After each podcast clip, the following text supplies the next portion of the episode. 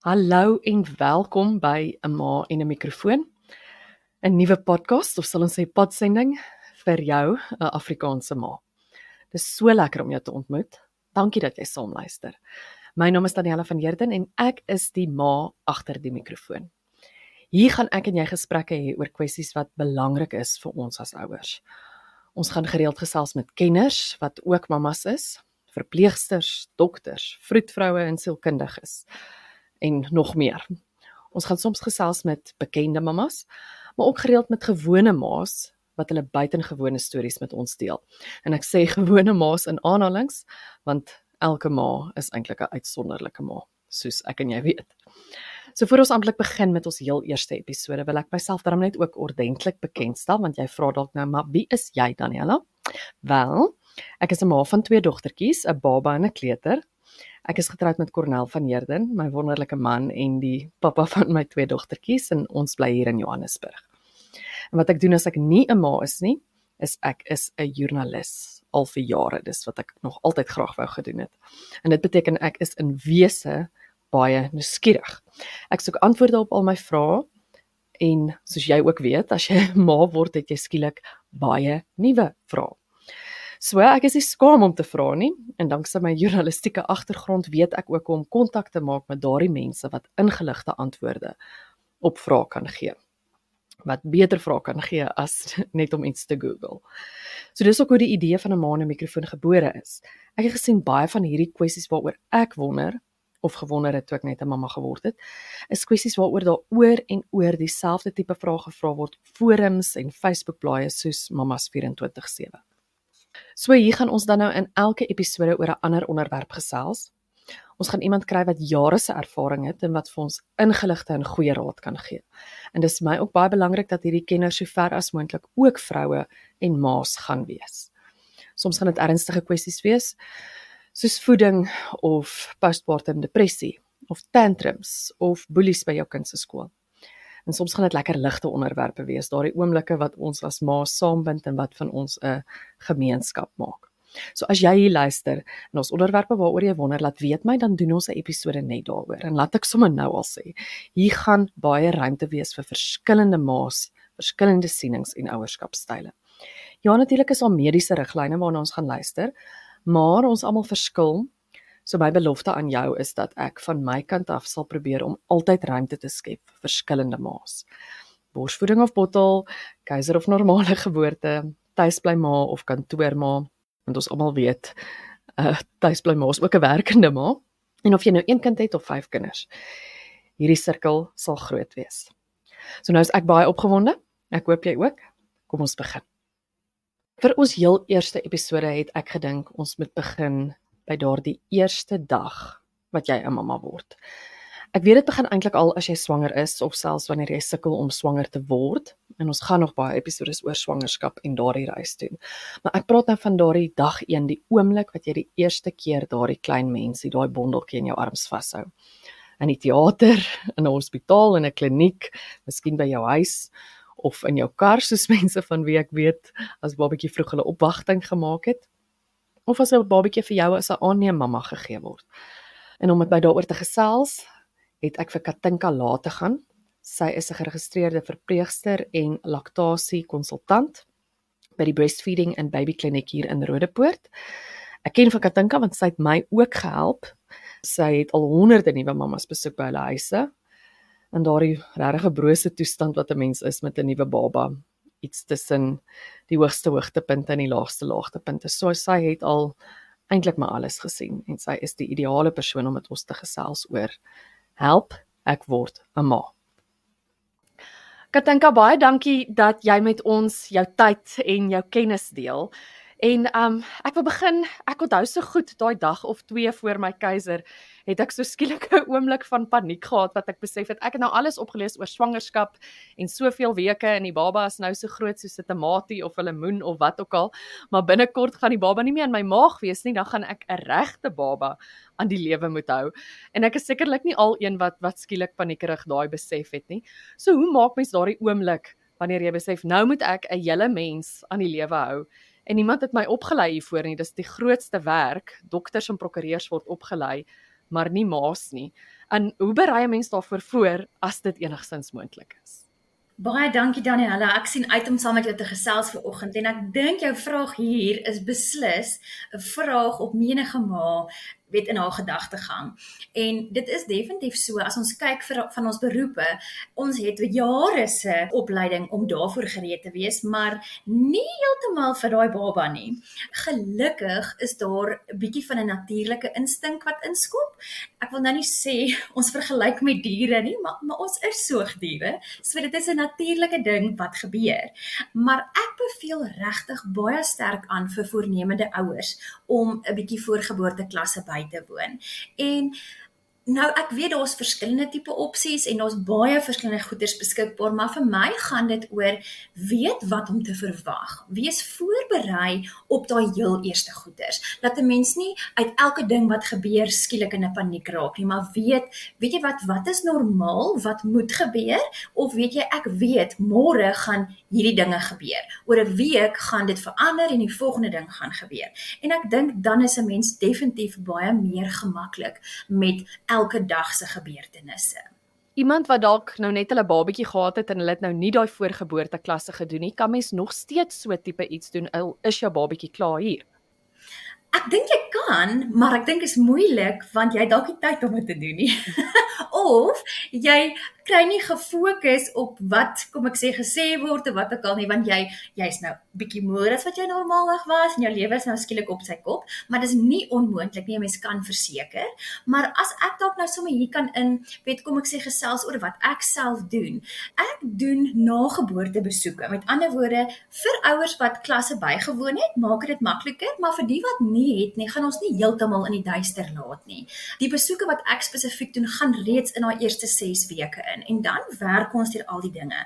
Wat ook al se uitdagings hulle het, wat se vrae hulle het, met watse goeters hulle sukkel om hulle bietjie te help in daai proses. En ek moet sê ek ek dink is baie waardevol om in daai baie brose tydperk weet met iemand te wees wat jy weet, maar weet jy wat, gats ek weet nie wat nou nie, kom ek maak net seker voordat 'n ou in 'n paniek ingaan. Ja, nee, kan ek ook bietjie van uit ervaring praat want jy was by my ook gewees en ek kan vir ons luisteraars ook sê dit dit skep net bietjie daai daai sekerheid eerstens oor die goed waaroor jy worry dat dit is okay of dat dalk daar is iets fout en dan kan iemand vir jou sê ja, hierdie is 'n probleem en dis hoe jy dit kan behandel, maar ook net iemand wat jou kom gerusstel en in daai veiligheid van jou eie huis, iemand wat al baie ander maas gesien het. Dit was vir my regtige 'n ervaring waar jy amper bietjie veilig voel en gekoester voel deur iemand wat dalk nie jou eie ma is nie, vir alles jou eie ma nie daar kan wees nie. Baie keer dink mense hulle gaan uitreik vir hulp wanneer daar probleme is. Maar weet jy, daar's soveel waarde om iemand te sien wat in hierdie besigheid is, wat vir jou kan sê, "Maar mamma, jy's okay. Wat jy doen is reg." Want dit is ook baie keer 'n regtig baie belangrike aspek daarvan om nie net te survive nie, maar vir die ma's om op te kan thrive. En dan is nog iets waaroor so baie mense wonder en ek sien almal vra altyd wat is die goed wat ek nodig het as ek 'n baba kry. En ek dink ek onthou ek het nog voor ek swanger was, was ek eendag saam met 'n vriendin by een van daardie baba expos, een van daai reuse goed en ek het omtrent weggehardloop want by elke stalletjie is daar een of ander gadget of katoeter en die mense laat vir jou voel as jy nie hierdie ding koop nie, dan gaan jy onmoontlik nie 'n ma kan wees nie en dis regtig oorweldigend om te dink wat moet jy koop. So as jy dalk so basiese lysie van items het, mense wil altyd weet, wat is daai goed wat jy regtig nodig het om jou babatjie veilig en lewendig te hou? Ja, dis nog ons 'n baie belangrike punt daai want 'n mens kan verseker oorweldig word. En ek wil amper sê, weet jy, mense kan so klein bietjie pause en net weer teruggaan na die basiese toe. Ons moet regtig nie alles oorkompliseer nie. Maar ek sal dit afbreek in 'n paar gedagtes. Nou, kom ons dink voeding. Dit is 'n baie baie groot gedeelte van die tyd wat jy gaan spandeer in die volgende weke en maande. Nou, ek is 'n laktasiekonsultant, so ek kan nie nie oor borsvoeding gesels nie.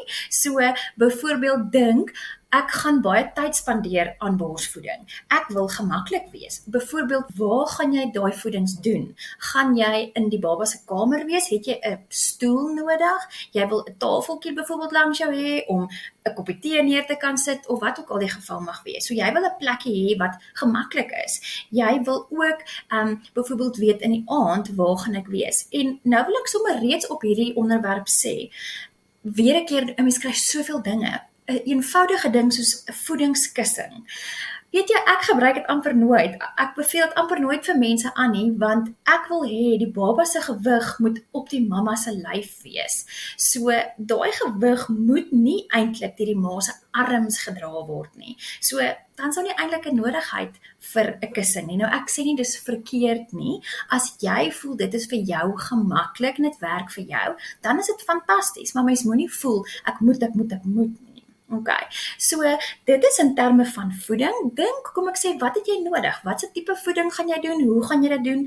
En dan kyk jy maar wat het jy regtig nodig? 'n Ander ding wat ons oor kan gesels is slaap. Dis belangrik dat ons veilige slaappraktyke moet beoefen. Kyk, ons weet almal jou sudden infant death syndrome is ietsie wat reëel is. So slaap is belangrik, maar jy wil weet in die begin wil jy nie elke keer as baba geluid maak, opspring en 3 kamers later gaan kyk, maar wat het nou gebeur? Want dan gaan jy nooit slaap nie. So jy wil baba graag naby aan jou hê. So kyk weer na jou omstandighede. Kyk na jou kamer. Wat is moontlik vir jou? Hoe kan jy in 'n naby afstand van mekaar slaap om dit vir jou makliker te maak veral in die aand.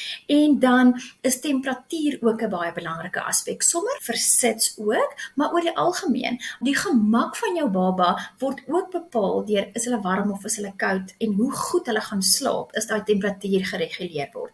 Nou as jy byvoorbeeld bly in 'n plek wat baie baie warm word, gaan daai nie heeltemal so lekker werk nie. Nou ek wil nou nie sê heeltemal gooi die appelkar om en nou moet jy aircons installeer en daar's load shedding die helfte van die tyd eers nie, maar dalk is dit 'n goeie idee om al is dit 'n tydelike skuif in jou huis om te gaan bly in 'n vertrek wat goeie temperatuurregulering het. Weet, dis net sulke basiese goeders om aan te dink.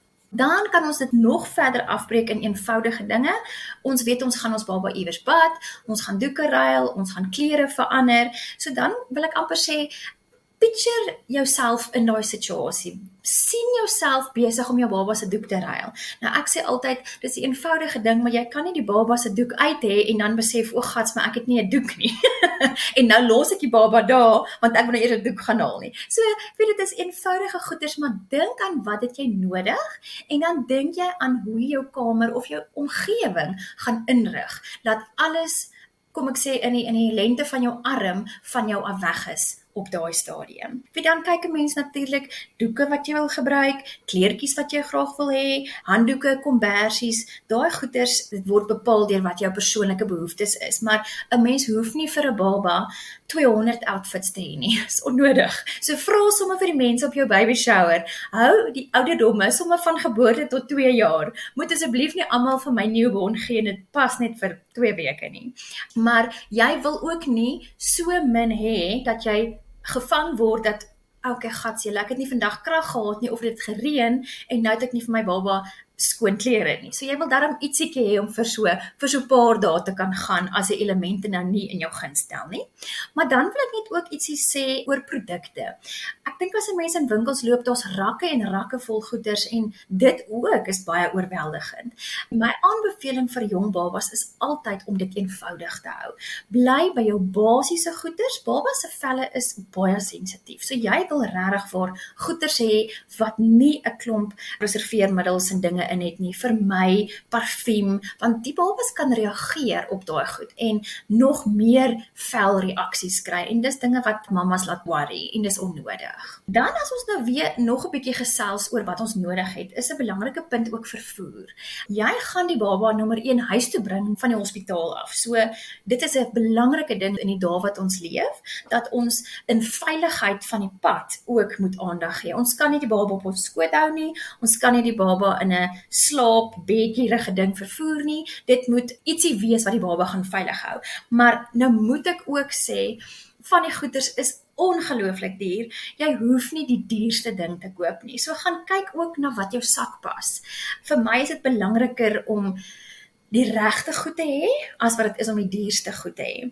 Ek het ook al mense gehoor praat dat weet jy wat ek kry 'n baba, ek kort nou 'n ander huis of ek moet 'n ander kar koop.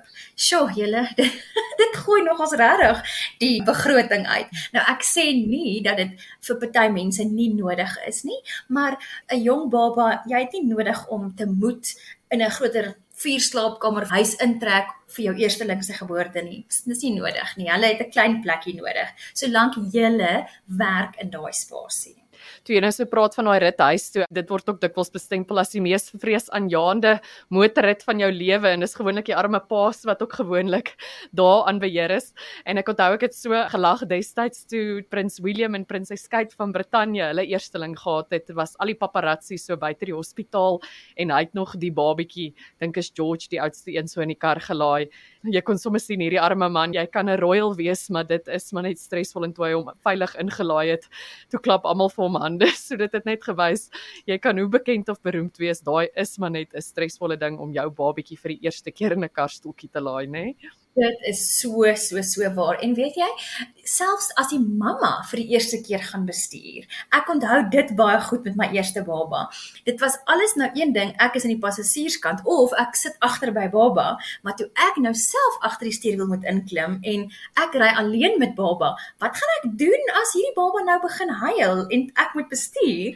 So daai is ook een van daai groot dinge. Mense is baie baie benoud oor dit. Maar ag, wat sê hulle, practice makes perfect, nê? Nee. Ek kan nie onthou wat was my erger nie as jy bestuur en baba skree en huil, want dis ontstellend of baba is choop stil en jy bestuur en jy wonder hoekom is hierdie kind so stil? Dis omtrent ewe erg. ja, dit is baie waar. Maar dankie Katinka, so ek ek dink dit is 'n goeie raad om net te kyk na die basics, wat baba gaan drink, waar baba gaan slaap, hoe jy die doek gaan ruil en wat hulle gaan dra. Al die ander is nice to haves. Daai is die belangrike goed. So dit is nou ons het gefokus op op baba se welstand, maar ek dink is ook belangrik dat ons praat oor die ma se welstand in daai eerste paar weke en bietjie oor hormone praat en die invloed van hormone wat vir my ook interessant was. Ek is nogal nie 'n te emosionele mens nie dink ek maar dis vreemd wat met 'n mens gebeur as jy swanger is en as jy skielik 'n baba kry. Ek onthou in die hospitaal het ek daai gevoel gehad wat baie het van jy sweef op 'n wolkie en alles was vir my wonderlik en lekker na my keiser het my pynmedikasie gedrink. Dit was vir my regtig lekker. En daai derde dag toe mense moet tuis kom veral met die tweede een onthou ek in die in die parkeerterrein van die hospitaal het dit vir my skielik gevoel ek kry of 'n gloede wat oor my kom en dit het amper gevoel of ek 'n angsaanval kry. En as ek nou terugkyk en as ek bietjie lees en met lank met jou gepraat het, besef ek maar jy weet ek was nie besig om mal te word nie. Dit was deels hormone. So wat is van daai goed wat kan gebeur en laat ons dit net kan verstaan en nie dink wie is ek en wat gaan met my aan nie. Ja, daai hormone is nogals as ek nou die woord kan gebruik reël, nê? So daai effek is regtig daar en ek dink as 'n mens bietjie stil word en dink daaroor wat jy sê jy het agterna besef maar wat was hierdie? So daar's 'n paar hormone wat in 'n mens se lyf nogals groot veranderinge ondergaan. Twee van hulle is jou progesteroon en estrogen dit verlaag drasties nadat baba gebore is en is ook daai wat gewoonlik vir jou die simptome gee van die sogenaamde baby blues. Nou baby blues is eintlik 'n tydelike en matige vorm van depressie en dit gaan oor daai twee hormone wat dit opgevang het. Maar dit stabiliseer wel oor tyd, so dis hoekom dit van verbygaande aard is. Dit is hoekom dit die baby blues genoem word dit kom en dit gaan na daai aanvanklike dip. Dit is net vir my belangrik om te onderskei tussen wat is dit wat van verbygaande aard is en wanneer moet ons meer bekommerd wees.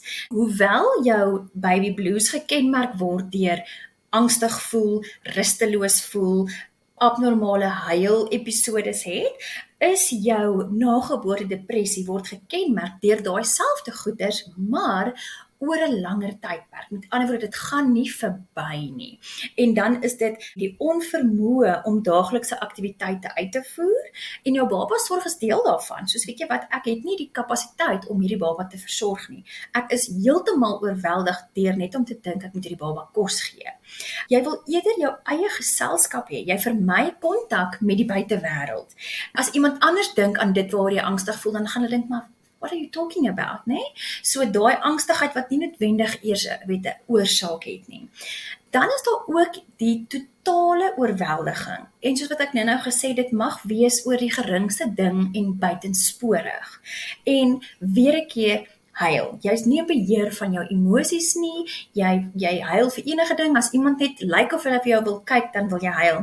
En nou moet ek nou ook 'n storie vertel uit my eie lewe hier. Ek het twee kinders. My jongste is 'n dogtertjie en sy's baie emosioneel. en toe sy klein was, het sy sy's baie kwaai, dan sal sy sommer huil en sê, "Maar Hoppotie kyk vir haar en dit ontstel haar." So so ek weet nie of, of hormone dan reeds 'n rol speel nie, maar dit was net vir my interessant en dit is wat kan gebeur. Iemand kyk vir jou en ja. jy bars om in trane uit. Of hulle kyk nie vir jou nie. Ja, te veel of te min en enigiets in die middel kan daai kan daai reaksie tot gevolg hê. Jy het nou nog gepraat van die warm gloede. So, weet jy ja, dit kan verseker gebeur. Party vrouens sê my genade tog ek het nou net 'n baba gehad, ek kan sekerlik nie in menopause wees nie, want dit kan omtrent so voel. Nou, dit is weer 'n keer daai estrogen wat dit groot dip vang, wat vir jou daai simptome gee. Party vrouens gaan letterlik aan die bewe in hierdie eerste paar dae. Daar's regtig bitter baie dinge wat met ons lywe gebeur. So ek wil amper sê respekteer dit. Dit is normaal. Dit is 'n fisiologiese normale verskynsel. So daar is nie fout met jou nie, maar as dit nie verbygaan nie, dan gaan ek sê, weet jy wat, kom ons los dit nie daar nie want dit kan baie skade doen en ek praat nie noodwendig skade soos weet die erge goeters waar daar ehm um, 'n ma 'n baba kan doodmaak. Ek bedoel dit is ongelukkig, dit kan gebeur. Maar as ons nou nie praat oor daai baie baie ergste dele nie, maar ons dink ook net aan die vreugde wat dit jou ontneem in daai tyd. Dit is onnodig dat ma's hoef swaar te kry omdat daar 'n probleem is wat nie aangespreek word ek dink jy stel dit so goed want dit is soos 'n mediese toestand en net soos as jy pyn het of 'n wond wat nie regkom nie, dan gaan daar tog 'n dokter wees wat jou help en as jy nageboorte depressie het, is daar medikasie en dokters wat jou kan help en ek dink ons sal in die toekoms beslis ook 'n episode oor dit doen, maar ek dink die kern van jou boodskap is moenie dit net daar los en alleen swaar kry en suffer nie, jy weet daar is hulp. Ek dink ons kan ook dan fokus op daai balans skatinka van jy het nou hierdie baba vir wie jy moet sorg en dit voel skielik soos en dit is 'n nuwe voltydse werk en al jou aandag en fokus gaan na daai baba toe en dan vergeet mens partykeer die fokus op jouself. So hoe kan 'n mens 'n balans probeer vind tussen sorg vir die babatjie en nog steeds vir jouself sorg? Want skielik voel dit soos 'n uitdaging om net te gaan bad. Daniela, jy kan dit nie beter stel nie. Weet jy wat? Dit is 'n voltydse werk en ek wil eintlik net daar begin gesels as ons nou weer terugdink aan ons eerste gesels wat ons nou-nou gehad het oor die beroepe, nê, die voorbereiding vir die beroepe. Jy spandeer tyd by die werk en jy het nie tyd terwyl jy werk om ander dinge te doen en enige ander take te verrig vir daai 8 ure wat jy werk nie. So 'n nuwe baba is 'n voltydse werk. Dis nie net 8 ure nie, dit is 24 uur. So dit is 'n baie baie groot impak wat dit op 'n mens se lewe het. En ek dink noem dit nou maar die omgewing wat ons in leef, die sosiale dinge wat rondom ons aangaan. Daar is ongelooflike druk op nuwe ma's op hierdie stadium. Nou, ek noem dit die superma. Almal wil net die beste ma wees en hoe meer goeders hulle doen met hulle kinders en vir hulle kinders, hoe beter. En ek wil sê dis absoluut die teenoorgestelde. Moenie eers begin en in daai kompetisie betrokke raak nie. Dit is die heel eerste stap want jy gaan jouself uitbrand nog voordat jy begin het. So heeltemal heeltemal back to the basics. En as ons dan 'n bietjie terugdink aan kulture. Nie net wendig waar ek en jy groot geword het nie, maar baie van hulle was 'n ma vir die eerste paar maande versorg deur addisionele familielede. Sy het gaan bly saam met haar ouers en haar noem dit nou maar tribe. Sy het niks gedoen nie. Sy het beslis nie gewerk nie, nie kos gemaak nie, vir niemand omgesien nie. Sy het net ek wil sê na baba gekyk en hier en daar vir haarself. So ek wil sê ons kan ietsie by hulle leer. Ons nie maas van vandag se generasie vat heeltemal te veel aan op 'n slag. Nou as ons dink hoe ons dit eenvoudiger kan maak, dan wil ek sê en ons sê dit altyd en niemand doen dit nie, maar as jou baba slaap, asseblief rus in daai tyd. Want onthou, jy was gewoond daaraan om te slaap jou wat 6 of 8 ure 'n nag en skielik moet jy elke 2 of 3 ure wakker word. En iewers gaan dit jou inhaal. So asseblief mamas, as jou babatjie slaap, al is dit een keer 'n dag wat jy weet dis 'n tyd wat baba relatief goed gaan slaap en vir 'n rukkie gaan slaap, asseblief moenie nou die huis opruim en wasgoed gaan wil was en skorrel goed was nie. Weet jy, dit gaan vir homself sorg. Gaan slaap in daai tydjie want jy gaan 'n baie beter mens wees as jy net ek wil amper sê gees, siel en liggaam bietjie bymekaar kan hou. En dan ehm um, dinge soos byvoorbeeld 'n baba bad. Ons het nie nodig om baba elke liewe dag te bad hier in die begin nie. So dit hoef nie. Ehm um, hulle speel nie buite in die modder en is vuil soos wat ons 'n kleuter. Hulle moet bad elke dag, maar 'n jong baba hoef regtig nie. So maak dit vir jouself makliker. En daar's geen reëlboek wat sê 'n baba moet alleen bad en 'n baba bad nie. Jy kan 'n bad tap en jy en baba kan saam bad. Dit maak dit sommer twee vleie met een klap, want anders sukkel jy ook om baie keer by jou bad uit te kom. So dan is dit sommer alles saam gedoen en dit was sommer 'n goeie geleentheid vir bietjie skin to skin time ook. So ek dink dit is sommer 'n algehele goeie gedagte. Maar dan 'n ander belangrike ding. Meeste van ons geniet ons huise en hou van ons huise, maar selfs die mense wat mal is oor hulle huise raak vasgedruk in die vier mure. So dis baie belangrik om uit die huis te kom. Nou, dit is moeilik in die begin en dit is 'n redelike proses om te weet wat om te pak en wat moet ek saamvat en al die goeder. So jy hoef nie noodwendig uit jou ruimte uit te gaan nie, maar kom buite. Gaan na 'n ander vertrek toe as jy vind jy's heeldag in jou kamer. Gaan sit in jou leefruimte of gaan buite uit in die tuin. Bietjie vars lug het ook nog nooit 'n baba skade aangedoen nie. Ek sal nou nie sê gaan sit jou baba daar neer wat die wind letterlik alles omwaai nie. Dis dalk bietjie te erg, maar gaan sit 'n bietjie buite. Gaan sit in 'n lekker beskutte areaatjie as daar 'n tydjie is wat baba slaap en jy kan gou vir 10 minute buite onder die koelteboom gaan sit. Dit gaan goed wees vir jou. So gebruik daai tydjies. Ek onthou dit ook so goed. My eerste dogtertjie is in lockdown, heel aan die begin van lockdown gebore wat mens nêrens kon gaan nie. En dan besef mens die waarde van as jy skielik kan daai tyd toe ons net tussen 6 en 9 in die oggend bietjie kon oefen, wat ek aan die stootwaandjie kon en net bietjie in die strate gaan stap. Hoe verskil dit gemaak het en hoe goed dit vir jou geestesgesondheid is net vars lig en om iemand verby my te gesien stap het in my hand te kon lig en groet, dan het ek regtig die waarde daarvan besef. So ek dink ook nou dat dit die inperkings verby is. Kom ons hou duim vas, dit bly so vir 'n ruk. Moet mens dit benut dat jy kan uitgaan al is dit net bietjie gaan stap soos jy sê, gaan hou 'n piknik. Daai tipe dinge is is so goed vir ons. Soveel maas wonder wanneer moet ek paniekerig raak oor baba? Ek onthou ek en ek weet soveel ander mense ook as hulle so lê en slaap, druk jy jou pinkie so voor hulle neusie of mondjie om te voel of al hierdie baba darm nog asem en die bietjie wat jy dan voel jy kan nou slaap, skrik jy wakker want hoekom slaap baba nou so lank en dis dis regtig nogal stresvol.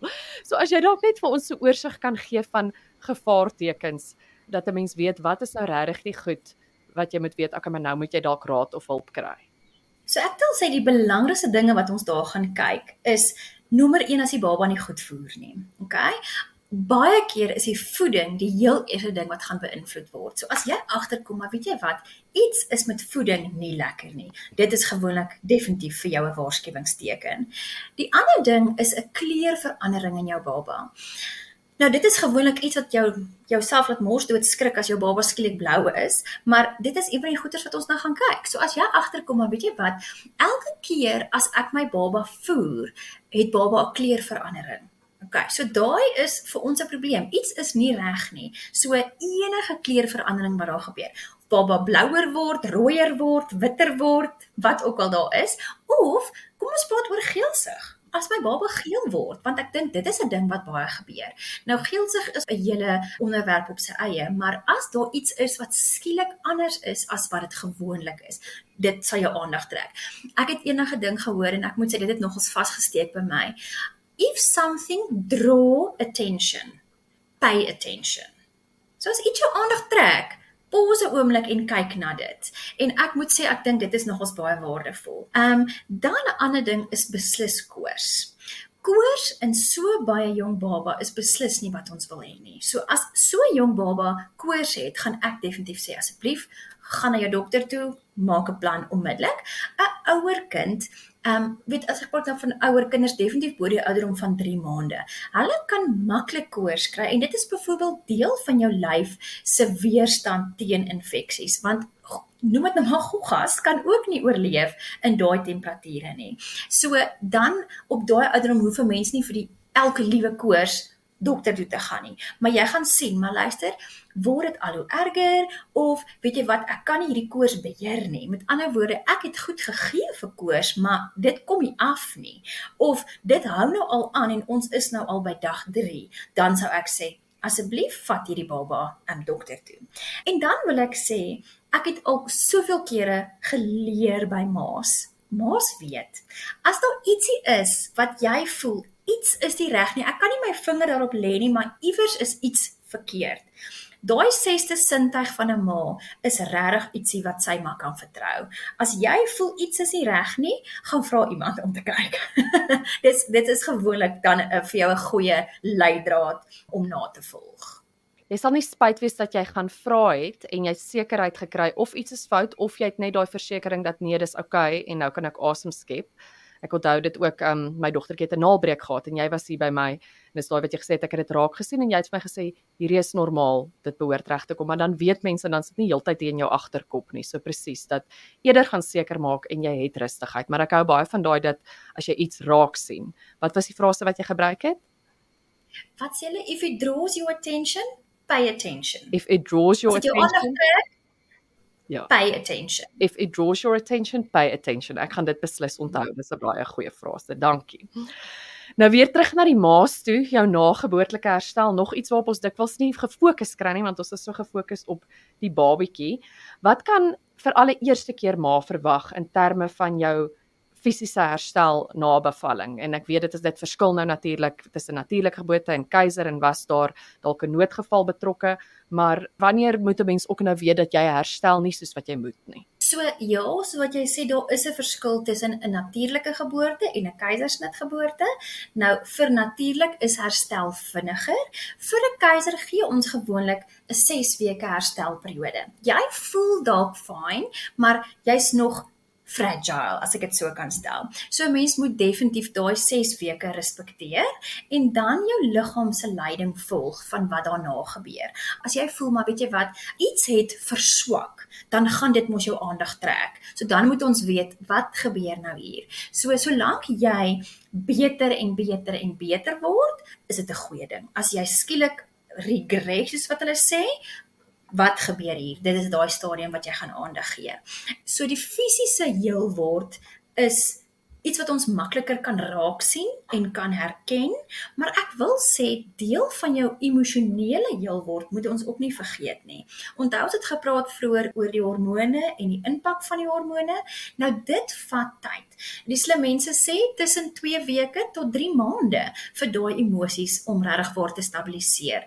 En as ons gesels oor nageboorte depressie, dit kan selfs so laat as 18 maande na geboorte begin. So jy moet maar half en half altyd jou eie welstand nie onderskat nie. Gee aandag aan jouself.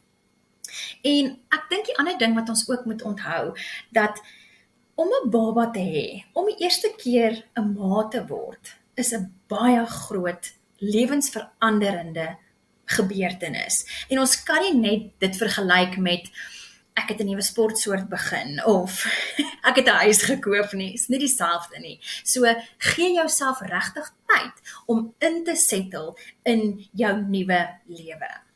Ek dink dis ook baie keer 'n skok vir die gestel want jy weet dinge gaan verander. Jy weet jy kry 'n kind, maar soos jy sê, niks kan jou regtig daarop voorberei nie. Niks wat niemand vir jou kan sê nie. En ek onthou ek daar's amper hierdie gevoel van gaan ek ooit weer wees wie ek was? En jy gaan in 'n mate ook nie, maar daai daai amper van ek het ek dink ek het iets van myself verloor, gaan ek dit weer terugkry. Dit is baie waar en ek wil eintlik 'n minuut gou daar stil staan. Jy gaan nooit weer wees wat jy was nie. Jy was miskien 'n vrou, maar jy's nou 'n ma. Daai titel gaan nooit weer verander nie. So jou rol het verander. Die ou jy wat net na jouself hoef te gekyk het, daai persoon is weg. dit gaan nooit weer gebeur nie. En soms is dit deel van verlies, nê? Jy verloor jou identiteit. Dis wonderlik om jou nuwe identiteit te kry, maar dit is deel van 'n groter proses. En net daar kan party mense noem dit vasbrand en sukkel. En dan sal dit ook ietsie wees wat ek sal voorstel vir daai mamma om te weet gaan deel daarmee, gaan gesels met 'n kenner op daai vlak en kom tot terme tot die nuwe mens wat jy is en leer hierdie nuwe persoon liefkry. Dit is 'n baie belangrike ding. Ja, en as mens eintlik daaraan dink, dan is dit vreemd dat partykeer dat ons dat ons dit nie verwag nie of dat ons so oorweldig voel want dit is so groot ding, jy word 'n nuwe mens, maar dis so mooi hoe jy sê jy's 'n vrou, maar nou as jy nie net weer 'n vrou nie, jy's ook 'n ma. So jy het eintlik jy het nie minder geword nie, jy het meer geword, maar dit is iemand anders. En sekerlik in enige ander situasie as jy 'n nuwe identiteit kry, sal 'n mens verwag daar gaan groot emosionele veranderinge daarmee saam. So mens moet dit ook verwag as jy 'n ma word. En dan moet jy nou skielik hierdie band hou bou met 'n nuwe mens. Ek het ook vriendinne en mense wat ek ken wat gesê het is dit normaal om daar's natuurlik partykeer kry jy daai bondeltjie en dis net liefde en jy kan nie glo hierdie mens was nog nie daar nie, maar daar's ook mense wat sê, weet jy wat, ek het nie dadelik 'n band met hierdie baba gevoel nie. Ek ek het gesorg vir die baba, maar ek kan nie sê ek was oorweldig deur liefde nie. Dit het tyd gevat is dit ook oukei? Okay? Is dit soms normaal om hierdie babatjie te kry en daar's nie 'n band dadelik nie? Dit kan verseker gebeur. En as ons nou weer 'n kykie gaan gee op die hormone, dan is oksitosien daai hormoon wat verantwoordelik is vir die ontwikkeling van daai band. En sê nou maar dit is 'n noodsituasie of daar's ingrepe wat jy nie verwag het nie, wat jy nie beplan het nie. Al daai goeters kan 'n impak maak op daai ervaring. So dan gaan 'n mens terug en jy gaan sê, "Oké, okay, maar wat kan ek doen om hierdie oksitosien verhoog te kry om my te kan help met daai band?" Dan gaan ons kyk na dinge soos borsvoeding wat ons weet jou oksitosien vlakke verhoog. Goeters soos jou skin to skin of jou weet vel tot vel kontak wat jou oksitosien vlakke gaan verhoog. Maar ook boonbehalwe dit, kyk ons na positiewe ervarings. Met ander woorde dit wat 'n bietjie glimlag op jou gesig gaan sit. Daai wat vir jou lekker is, want dit is weer 'n keer waar oksitosien vrygestel word en wat ons help met daai band. So as daar bietjie van daai vertraging in die band is of ons voel maar ek is nie waar ek wou gewees het nie. Kom ons spandeer tyd aan hierdie dinge om ons te help. Maar ons moet ook vir mekaar sê dat daar is situasies wat dit nie gebeur soos wat dit moet nie vir verskeie redes. En dan moet ons hulp kry. OK, daar is baie verskillende vlakke van 'n band wat vir wat ook al sy rede nie reg gewerk het nie en dit gaan die hele gesinsdinamika verander, maar dit gaan ook daai baba se lewe verander. Vir 'n baba om, ek wil sê te bestaan, gaan oor kry kos en het ek hitte en daai tipe van goeders, maar daai emosionele band is wat nodig is vir 'n baba en 'n kind en 'n mens om te floreer. En ek dink dit is 'n baie belangrike ding. Maar moenie dadelik as die eerste oomblik wat hulle baba vir jou gee, jy's nie in ekstase op daai oomblik nie. Dit is oukei. Okay. Spandeer net tyd op maniere wat positief is. Dis baie goed gestel. Dankie Katinka. En nog mense wat ook kan help om hierdie ma soos jy sê te help om haar te laat veilig voel is ander mense, is geliefdes, is ma's en skoonma's. Maar dit kan partykeer ook 'n moeilike kwessie wees want jy's nou by die huis. Party mense wil hulp hê by die huis, party wil eintlik net bietjie privaatheid hê. So hanteer mens daai eerste ruk en as jy agterkom soos jy nou gesê het, dis 'n voltydse werk. So nou sien jy maar die wasgoed raak al hoe meer, die skottelgoed raak al hoe meer. Ek kom nie reg nie. Hoe vra 'n mens vir hulp en hoe doen jy dit sonder om skuldig te voel en te voel ek is nou 'n mislukking want ek kan nou nie vir hierdie baba sorg en net 'n bondel wasgoed gedoen kry nie. So ek wil weer teruggaan na die supermam. Weet jy dit is rof. Dit is moeilik vir almal. Daai mamma wat vir jou vertel, sy kan dit alles doen, sy jok vir haarself. OK? Dit is nie so nie. Dit is moeilik vir almal en dit is ook weer 'n baie persoonlike ding. As jy wil 'n tydjie uithou vir jouself met jou man en jou baba en 'n sogenaamde baby moon hê, dis perfek. Dit is 'n paar daggies wat julle niemand inlaat nie en wat julle net in julle eie kokonnetjie mekaar bietjie vind. So ons het nou gesels oor daai bonding, nê? Tyd kry vir julle almal om deel van hierdie prentjie en van hierdie nuwe gesinnetjie te word. En weet julle gelukkig leef ons in 'n era waar dinge nie so moeilik is nie. Ek bedoel, ready-made meals 6060 se skootertjie kom lewer dit vir jou by jou huis af. Dit is oukei. Okay. Jy hoef nie elke dag plaas ontbyte te hê en vyf gang aandetes te hê nie. Dit is oukei okay om dit eenvoudig te hou. En ek dink regtig waar ons dit nodig om 'n bietjie ons trots te sluk in die opsig as 'n vriendin vir jou sê luister, wat het jy nodig? om te sê asseblief weet jy wat 'n paar gekookte etes sal vir my great wees of ek kon nie wasgoed gewas kry nie want dit dit hou nie op reën nie of wat ook al die geval mag wees 'n goeie vriendin of jou ma of wie ook al. Weet jy wat, kan jy regtig vra asseblief was vir my wasgoed of kan laai net my wasgoed by die laundromat af as dit nou is waarop dit neerkom, maar dit is regtig oukei. Okay. Dit is regtig oukei okay om hulp te vra. Dit beteken glad nie jy's 'n mislukking nie. Inteendeel, dit voel vir my om met jouself eerlik te wees en te sê maar weet jy wat, hierdie is 'n struggle hoe gaan ek hier uitkom en jy het die plan gemaak deur hulp te vra is vir my eintlik 'n positiewe ding. Jy het 'n behoefte raak gesien en jy kon 'n plan maak. Dit is vir my die teenoorgestelde van 'n mislukking. Wat ek wel ook dink in terme van vriendskappe. Dit is belangrik om jou te omring met mense wat soos jy dink oor byvoorbeeld ouerskap of oor ma wees of wat ook al die geval mag wees, want jy het daai ondersteuning nodig. Jy wil nie omring wees met mense wat heeldag vir jou vertel, maar ek het dit anders gedoen of jy doen dit verkeerd nie. So daai ouens gaan jy bietjie wil beperk. Of die wat jou sê jy, ekskuus ek val jou in die rede, ek dink nou net of die wat vir jou sê jy gaan jou baba bederf as jy te veel die babatjie vashou en cuddle, nê? Ons het regtig nie daai nodig nie. Die mense wat jy in jou spasie gaan inlaat is hulle wat jou gaan help om beter te voel, hulle wat jou gaan help om beter te cope. Omring jouself met daai positiewe dinge. Ek ek dink regtig dit is 'n baie belangrike faktor. Ek is so bly jy praat ook van hoe dit moeilik is vir almal want ek dink dit is ook belangrik dat mens eerlik is self daaroor as jy sukkel, soos jy sê, want ek dink dit laat ander ook voel, weet jy wat, ek was nie al een wat swaar kry nie of ek is nie al een wat swaar kry nie.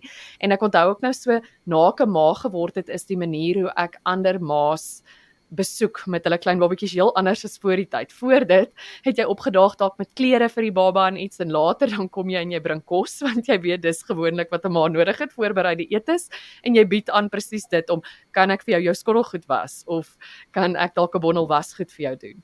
So ek dink dit sal ook wys wees om jou ander ma vriendin of enige iemand wat jy ken wat 'n ma is, kan jy voor eerlik wees want hulle gaan weet. Soos jy sê dit was ook vir hulle moeilik anders het hulle gejok. En as jy vir hulle vra maar help my asseblief om net die skottelgoed te doen of 'n bondel wasgoed dan they'll get it.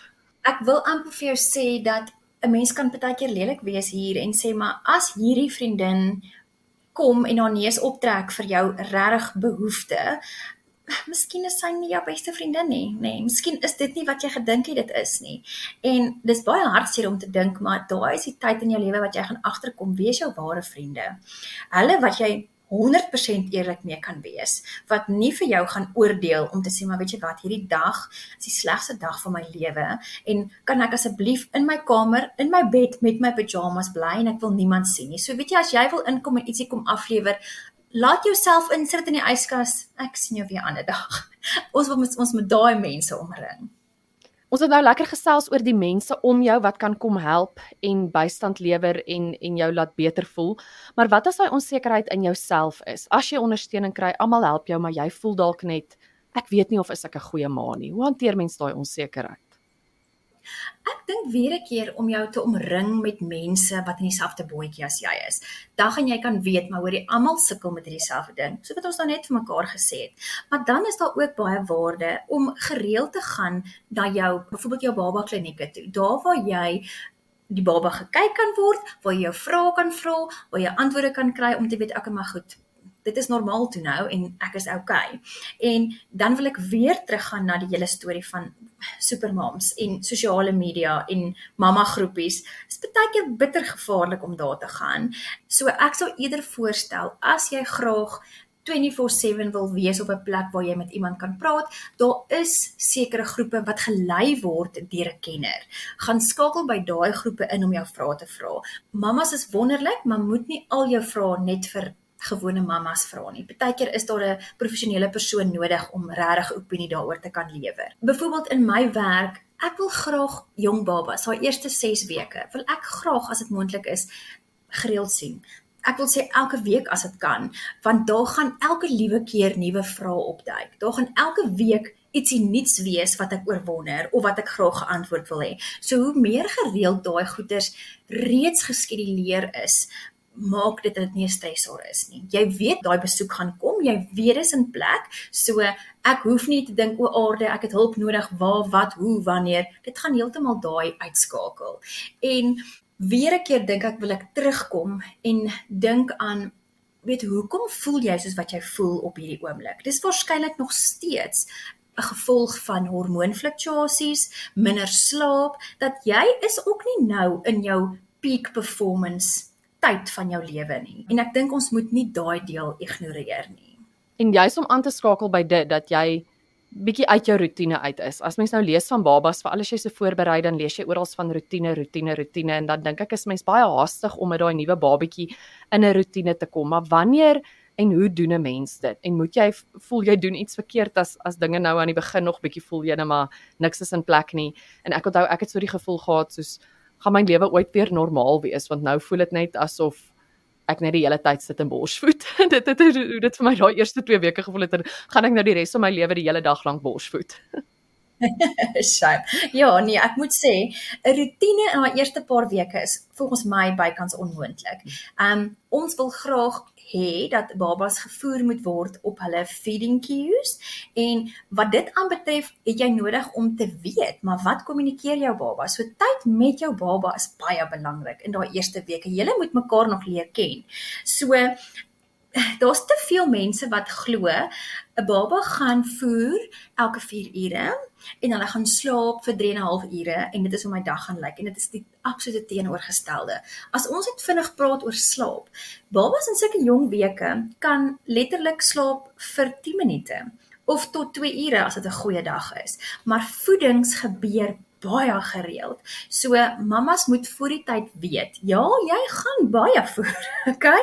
En dit is heeltemal normaal. So Ek sou sê 'n mens gaan eers 'n bietjie kyk na rotine wanneer die baba hier rondom 3 maande oud is, wanneer ons begin patrone kan vorm en in plek sit. En dan is een van jou maklike dinge om te bewerkstellig in daai tyd is 'n badroetine.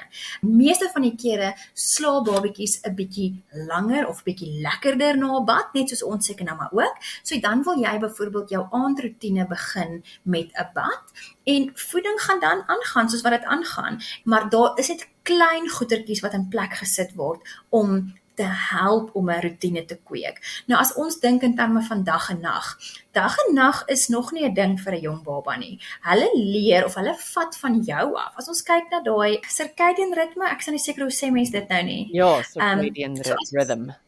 Ja, so dit is nog on, on dis het nie ontwikkel nog in babas nie. So hulle het nog jou nodig om daai weet vir hulle te help mee. So voeding around the clock dit verander nie, maar soos wat hulle ouer word, begin dit beter raak en dan wil ons sê ons het 'n byvoorbeeld 'n aandroetine wat hulle in 'n plek gaan kry om te weet, maar goed, nou se slaapie is anders as my dagslaapie. Maar ja, in die begin regtig waar ek sal nie myself moeg maak. Dis net nog 'n stresor, net nog 'n boksie om te tik. So ek sou net vat dit as dit kom elke dag op 'n slag vir daai eerste paar weke. Dankie dan nog verhoudings, dis nou jy wat band met daai baba, maar ook jou jou lewensmaat, die pappa gewoonlik van hierdie baba wat ook betrokke is. Jy het gesê jy weet jy verander, jy word 'n nuwe mens en die dinamika in 'n verhouding is natuurlik ook skielik 'n groot skuif en ek dink vir selfs die sterkste van verhoudings of huwelike is dit 'n moeilike ding om te hanteer dat hier's nou hierdie nuwe mensie wat soveel aandag verg. Ek dink soveel paas wil ook betrokke wees, maar hulle weet dalk nie lekker hoe nie. En partykeer wil die mammas nie laat hulle help nie of die pa weet nie hoe om te help nie. So dalk net 'n woord vir die paas. Ek dink dit is dalk selfs ook belangrik dat paas hierdie luister om te verstaan waardeur die vrou alles gaan en jy weet dat sy's nie besig om dramaties te wees nie, dis hormone en die tipe van dinge. So kom ons gesels net bietjie oor oor daai belangrike verhouding tussen 'n ma en 'n pa wat nou hierdie babatjie gemaak het en en die pad vorentoe vir hulle huwelik en verhouding. Ja, nee, dis baie belangrik en 'n pa se rol kan nie deur iemand anders vervul word nie. So hulle is nodig. Ons kan nie sonder hulle gaan nie. So asseblief pappas, moenie weghardloop as jou vrou nie meer lyk soos jou vrou nie of reageer soos jou vrou nie. Sy gaan weer eendag terugkom, maar dit is 'n baie groot verandering. En so wat jy nou gesê het, weet die hormone en die goeters wat ons die veranderinge wat ons ervaar, die paas het nie dit nie. Onthou ons kla oor die effek van die hormone, maar dit help ons ook. Die paas het niks van daai oksitosien, prolaktin, progesteroon, hulle het niks van daai nie. So iewers moet ons hulle ook help. En ek dink oop kommunikasie is regtig baie belangrik. Dit is nie net belangrik vir nou nie, maar dis belangrik in jou verhouding die hele tyd. Sê vir mekaar, weet jy wat? Dit gaan vandag met my sleg of ek het hulp nodig hier of ek voel dit of ek voel dat. Dis vir my regtig ware belangrike ding. En ek dink dat ons die paas betrokke kry dit is baie makliker om te voel jy is deel van hierdie en dit is ook jou baba as jy dinge doen, as jy besig is met daai baba. En skin to skin is glad nie net vir ma's bedoel nie. Dit is baie goed vir pappas om ook daai tyd te hê. En dan weet ek nie hoekom nie, maar pa's is geneig om baie goed te wees om winde uit te vryf. Hulle is. Ek weet nie of ek, ek weet nie hoekom nie. Dis reg. Asseblief kan die paas kom help met daai. Laat dit hulle ding word waarmee hulle goed is. Want dit gaan so goed wees vir hulle om te voel, maar weet jy wat? Hier's darm een ding wat ek kan beter doen as my vrou. Dit gaan nie oor is 'n kompetisie nie, maar hulle wil ook nie dit voel. En ek dink in ons hele bestaan wil ek amper sê as ons hulle nog eens kan laat voel dat weet jy wat ek het jou nodig.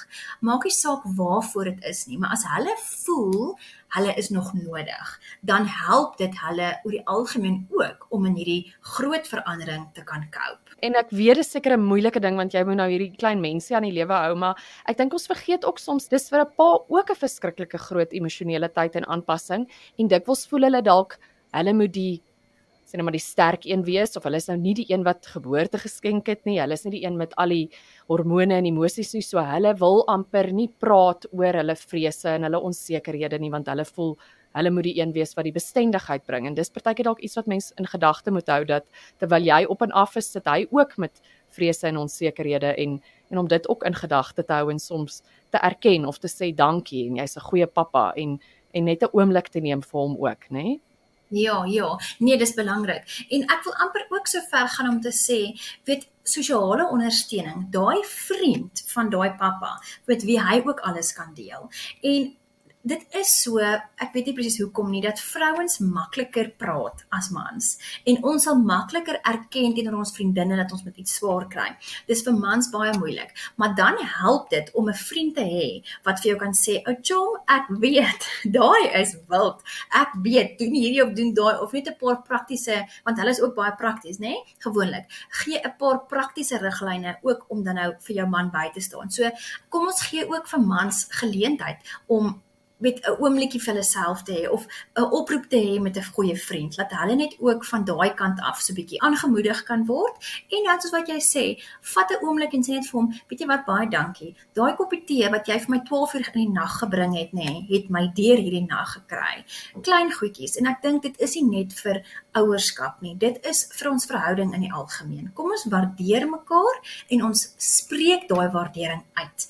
Ons moenie net dit aanvaar as ek het met jou getrou 10 jaar terug so, dit is mos hoe dit is nie. Kom ons wys en ons sê dit nog steeds. Dan terwyl ons so amper afsluit, wil ek daarom net oor iets positief ook praat. Dit is oorweldigend en dis moeilik soos jy gesê, dis nie maklik nie, maar hoe kan mens dalk jou klein oorwinnings vier wat tog hierdie wonderlike tyd in jou lewe ook in daai oomblik voel dit oorweldigend, maar jy gaan ook terugkyk en weet dit was 'n wonderlike tyd wat jy hierdie babietjie gekry het en dit gaan eintlik so vinnig verby ook weer eens nie in die oomblik nie maar as jy terugkyk. So hoe kan jy in daai tyd weet dat dit spesiaal is en net klein klein victories raak sien? soek vir daai victories. Weet dis daai klein goetertjies as jy nie attent is daarop en kyk vir dit nie, dan gaan jy dit miskyk. Daai oomblik as die baba uiteindelik slaap en jy gaan sit op die bed en o, oh, dankie tog, nê? Nee?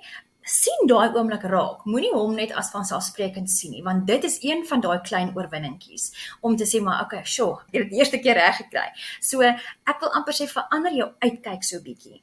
Ons moet fokus op die positiewe dinge en ons kan nie net in die uitdagings vaskyk nie. En dit is nie net vir ouerskap nie, dit is vir ons hele lewe.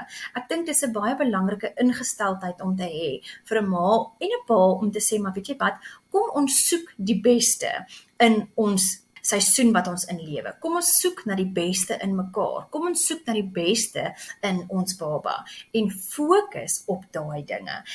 Dit is die maklikste ding om doelwitte te stel wat groot is. Hm. Maar dit is baie moeilik om daarby te hou want 'n mens verloor moed langs die pad as jy dit nie kan bereik nie. Hm. So stel vir jouself baie baie klein doelwitte en dit klink dalk simpel, maar as jy 3 keer 'n dag jou doelwit kan bereik, dan is jy baie meer gemotiveerd om môre weer aan te gaan. Hm. So breek dit regtig af in klein stukkies haalbare doelwitte want dan gaan jy baie meer positief ingesteld kan wees wanneer die dinge moeilik raak. Ek wil ook hierso gesels oor voeding. Dit gebeur baie keer in voeding dat ma's vir hulself baie groot doelwitte stel en dan is daar baie ruimte om te neergedruk te raak. So ek sou eerder aanbeveel breek dit af in kleiner deeltjies om te sê maar weet jy, ek gaan byvoorbeeld my baba borsvoed in die hospitaal.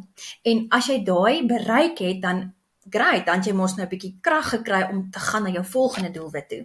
En dan gaan jy sê, okay, nou is ons byvoorbeeld in die tyd van engagement. Nou wil ek net deur engagement gaan. En so as jy terugkyk as jy deur die eerste week en dan kan jy sê, goed, ek is by 1 week, nou is my volgende mikpunt dag 10. Great, ek is by dag 10. Nou kan ons miskien gaan na 2 weke.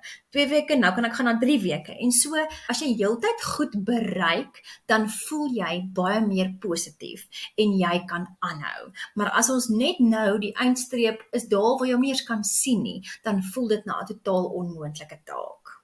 Ja, ek dink dit is dadelik 'n meer as ek nou die Engels kan gebruik, 'n empowering mindset, 'n gevoel van bemagtiging. Jy stel jouself op vir sukses eerder as mislukking. Ons het so lekker gesels, jy het soveel inligting gegee. Kan jy vir ons vinnig en opsommend sê wat is die 5 dinge wat jy wil hê elke nuwe mamma moet weet? Kom ek probeer hierdie gaga vir ons opsom. En ek wil eerstens sê elke nuwe gesin se prentjie lyk anders. So vermy die versoeking om jou gesin met ander te vergelyk. So vermy dan met ander woorde ook daai supermam kompetisie, nê? Gaan nie daar nie. En dan sou ek sê jou lyf het hierdie babatjie gebring tot hier. Vertrou jouself om hierdie baba groot te kry. OK. En dit beteken ook as jy hulp nodig het, kry hulp. Dan geniet hierdie tydjie in jou lewe Hulle word regtig baie vinnig groot en voor jou oë uitvee, gaan hulle vir jou sê, "Mamma, ek wil self." OK. So onthou, ouerskap is 'n reis. Geniet elke treetjie van daai reis en moenie laat jou fokus net op die eindbestemming is nie, want dan gaan 'n mens soveel dinge mis wat in die tussentyd gebeur. Ehm um, dan wil ek ook sê dis heeltemal oukei okay om nie oukei okay te voel nie jy moet asseblief nie voorgee dat jy alles onder beheer het as jy dit nie het nie. Want onthou daai waarskuwingstekens wat ons oorgesels het. Wanneer professionele hulp nodig is, daar gaan baie mense wil ek amper sê in die slag bly as ons nie na onsself kyk nie. Jouself, jou baba, die die welstand van jou gesin, so jy kan soveel beter doen as jy jouself ook versorg. En dan wil ek afsluit deur te sê mamas moet nie jou sesde sintuig ignoreer nie. Jy het as ek dit nou kan noem addisionele wapen wat ander mense nie het as dit kom by jou eie baba nie. So weet jy wat 'n mamma weet en jy kan regtig daai gebruik in jou in jou reis as ouer en as mamma. Sjoe. Dit was so 'n goeie opsomming en jy het nou vir ons jou jare se ervaring en kennis met ma's hierso grootliks opgesom in 'n uur. Verskriklik dankie Katinka. As mense hier luister en hulle wil verder met jou gesels of hulle het nog vrae oor iets wat jy gesê het, waar kan hulle jou kontak? Dankie, dit was vir my so groot voorreg en ek sal graag mammas wil help wat deel is van hierdie reis. Die beste manier om my te kontak is eintlik maar om 'n WhatsApp vir my te stuur. Dis bietjie moeilik baie keer om die foon te antwoord, so 'n boodskapie wat ek kan antwoord op enige tyd is vir my die maklikste. Ek kan sommer my selfoonnommer hier gee. Dit is 082 56 22023. Baie dankie Katinka, ons waardeer dit. Baie dankie julle almal. Mooi dag. En dit was dan ons heel eerste episode wat 'n opwindende mylpaal. Ek hoop jy het dit so insiggewend soos ek gevind of jou babatjie nog op pad is of reeds hier is. En die goeie nuus is dit is nog net die begin. Ons gaan van nou af gereeld gesels oor ouerskapsonderwerpe. So as jy wonder oor iets, laat weet my, dan kry ons 'n kenner om ons te help. Dankie dat jy saam geluister het. En dit beteken jy gee om vir jouself as mamma en vir jou kind. Onthou, jy is nie net 'n goeie ma nie, jy is die beste ma vir jou kinders. Ons praat binnekort weer. Totsiens.